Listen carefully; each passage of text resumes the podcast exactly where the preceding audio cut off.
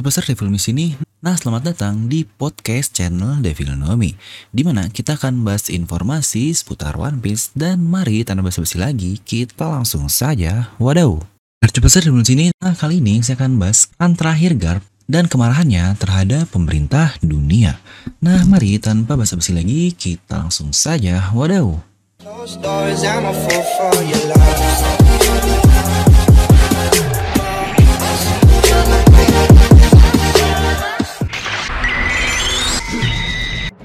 Nah kali ini kita akan bahas beberapa berita menarik yang ada seputar One Piece ini. Ya mulai dari serialnya lah atau di manganya atau animenya serta juga yang pastinya berhubungan dengan Oda Sensei dan mangaka-mangaka lainnya. Sebenarnya ada banyak sekali sih berita terkait One Piece ini jadi di sini akan saya coba ambil beberapa saja yang cukup relevan. Dan yang menurut saya menarik juga nih untuk menjadi pembahasan yang lebih lanjut.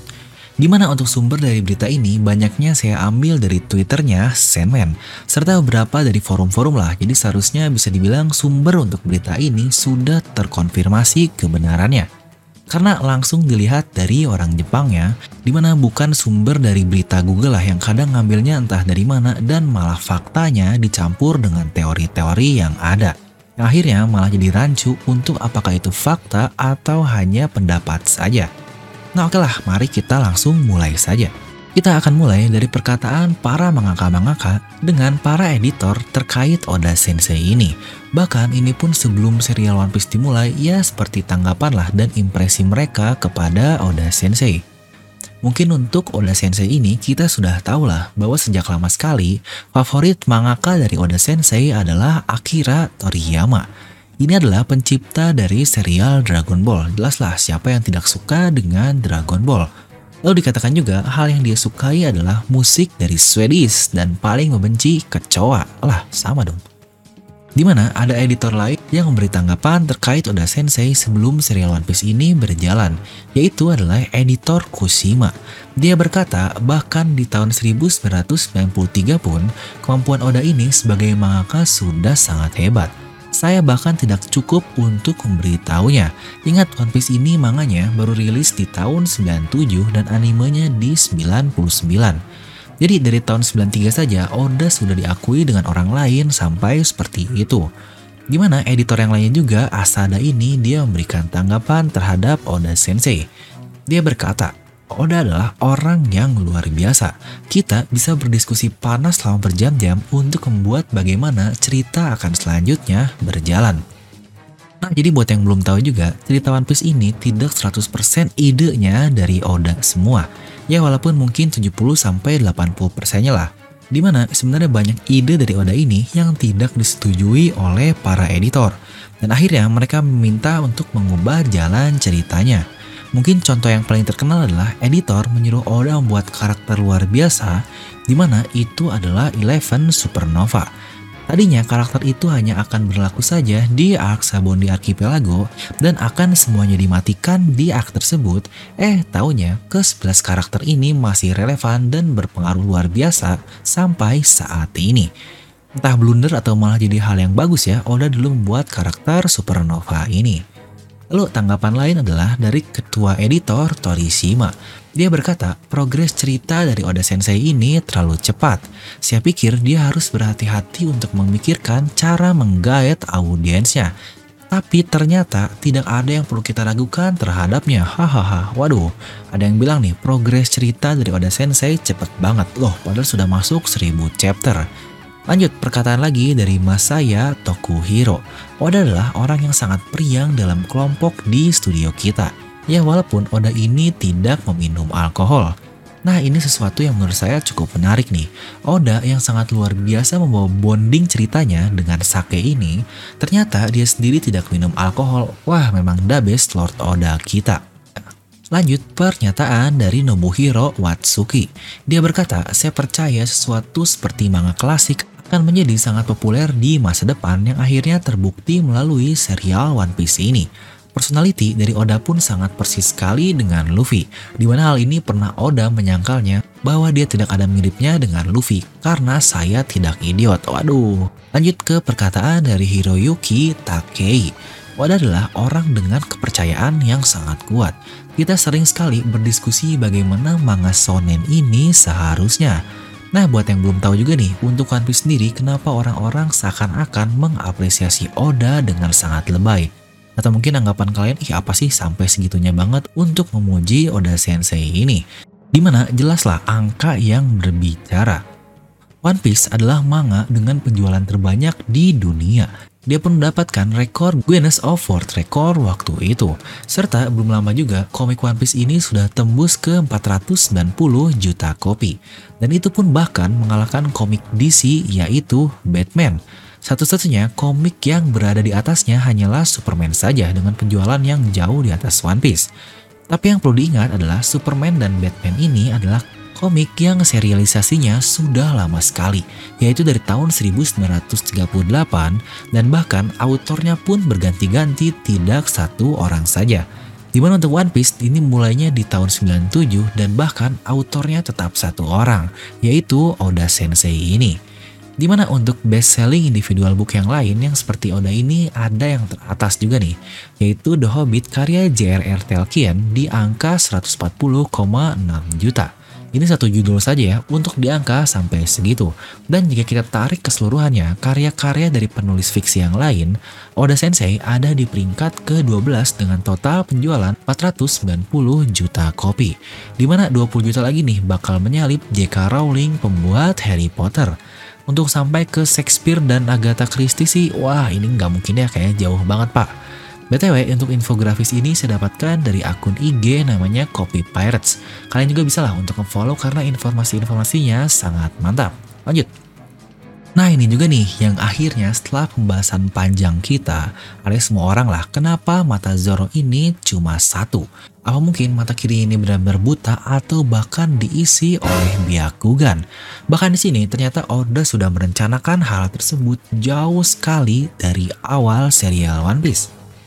Karena dikatakan tidak lama setelah serial One Piece ini dimulai, sekitaran tahun 1997 lah sampai tahun 2000-an di situ Oda berkata kepada Watsuki bahwa Zoro akan menjadi karakter dengan satu mata di masa depan. Di mana setelah mendengar hal itu, Watsuki pun langsung menyerahkan idenya atau mungkin langsung menggugurkan lah ide sebelumnya untuk membuat karakter protagonis dengan satu mata juga. Pun serial miliknya yang bernama Gun Blast West yang pada saat itu akan rilis. Karena dia ingin menghindari situasi di mana Oda mencuri ide dari Watsuki ini. Watsuki pun akhirnya bertanya kepada Oda, kenapa Zoro akan menjadi mata satu. Tapi Oda tidak menjawab pertanyaan itu. Di mana Watsuki pun bertanya kepada Oda lagi mengenai rumor One Piece akan tamat dalam lima tahun lagi. Sepertinya untuk wawancara yang terakhir ini itu adalah wawancara yang bisa dibilang cukup baru nih. Karena jawaban Oda adalah seseorang dengan usia 40 tahun tidak seharusnya menggambar manga mingguan. Ya benar saat ini usia Oda sudah 46 tahun. Bahkan seseorang saja tidak mau bersaing dengan karakter seperti Zoro yang notabene di pandangan kalian dia bukan karakter utama lah. Karena karakter utamanya adalah Luffy Senchou Di mana berkali-kali saya bilang juga sih, Zoro ini karakter yang disebut sebagai Deuteragonis. Kalian bisa cari sendirilah untuk artinya di Google. Di mana karakter yang berperan sebagai pengganti karakter utama. Alias karakter yang sepenting karakter utama lah untuk Zoro ini. Namun untuk perannya bukan yang utama, ya kurang lebih seperti itulah. Makanya Oda tidak pernah melihatkan antara superior atau inferior di antara Luffy dan Zoro ini yang bahkan Oda selalu menggambar setara di antara keduanya. Luffy muncul di akhir chapter langsung bersambung dan Zoro pun muncul di akhir chapter langsung bersambung. Bahkan kemunculan keduanya pun selalu digabungkan satu sama lain. Yang contoh jelas lah ketika di awal Wano dan bahkan ketika melawan Kaido saja, Zoro pun Oda beri peran untuk melawan karakter utamanya di mana Oda sebelumnya pernah berkata sendiri bahwa kemampuan dari Zoro ini sebenarnya skuad Luffy, tapi karena dia sangat respect kepada kaptennya, tentu saja dia akan memberi orang terkuat dari pihak musuh kepada kaptennya. Karena sepercaya itulah Zoro kepada sang kapten. Yang berarti jika kita ngomong masalah kekuatan, kedua ini saling setara lah yang seperti saya bilang, Zoro karakter Deuteragonis.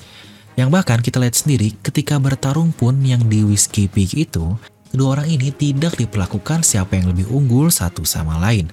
Luffy sendiri berkata dia akan membunuh Zoro dan Zoro sendiri pun sudah serius dengan menggunakan ikat kepalanya. Lagi-lagi itu adalah pertarungan yang serius tapi yang menang adalah Nami Chuan ya iyalah Nami ini sudah dewanya. Nah jika kita kembali ke bahasan tadi, yang mata satu ini ternyata Oda sudah merencanakannya jauh sekali sebelum Zoro menjadi mata satu beneran. Yang notabene setelah time skip di tahun 2010.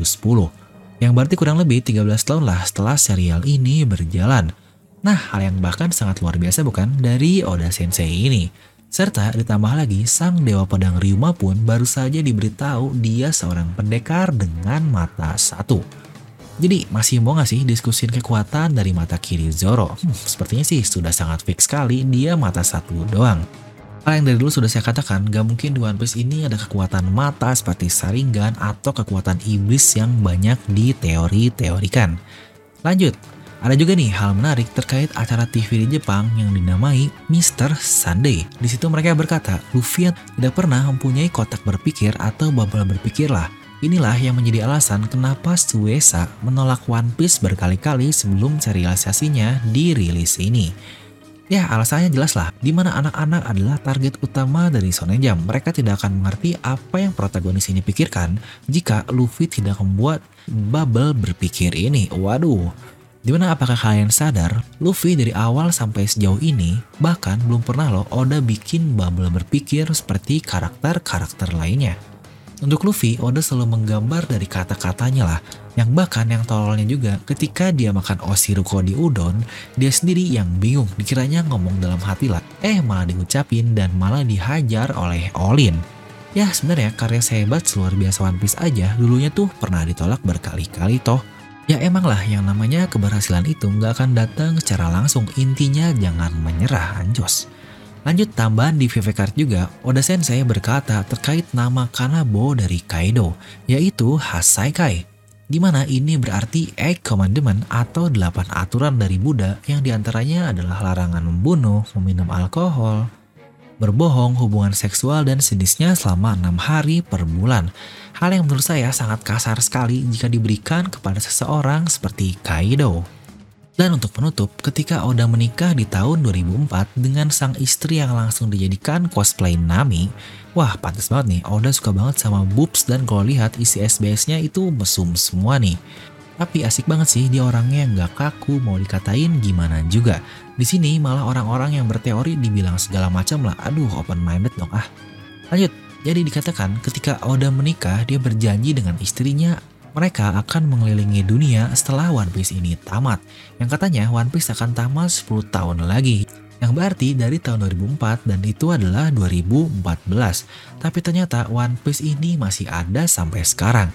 Dan Oda ternyata selalu pergi bersama keluarganya ke luar negeri setahun sekali. Hmm, One Piece masih ada tapi impian tidak terlupakan. Hmm, luar biasa bukan? Oda Sensei emang panutan banget. Dia cinta keluarga, open minded juga. Wah, sangat mantap sekali lah. Nah jadi itulah untuk berita kali ini, untuk berita-berita lanjutan yang ada mungkin akan saya sampaikan di video lain. Nah semoga kalian terhibur dengan video ini, kalian bisa langsung tuliskan pendapat kalian di kolom komentar di bawah. Dan buat kalian juga yang ingin merchandise Nomi, kalian bisa langsung klik link di deskripsi video. Dan seperti biasa, semoga kalian terhibur dengan video ini. Like aja kalau kalian suka, dislike aja kalau nggak suka, jangan lupa untuk subscribe dan juga share video teman kalian. Gue di pamit and I'll see you guys next time.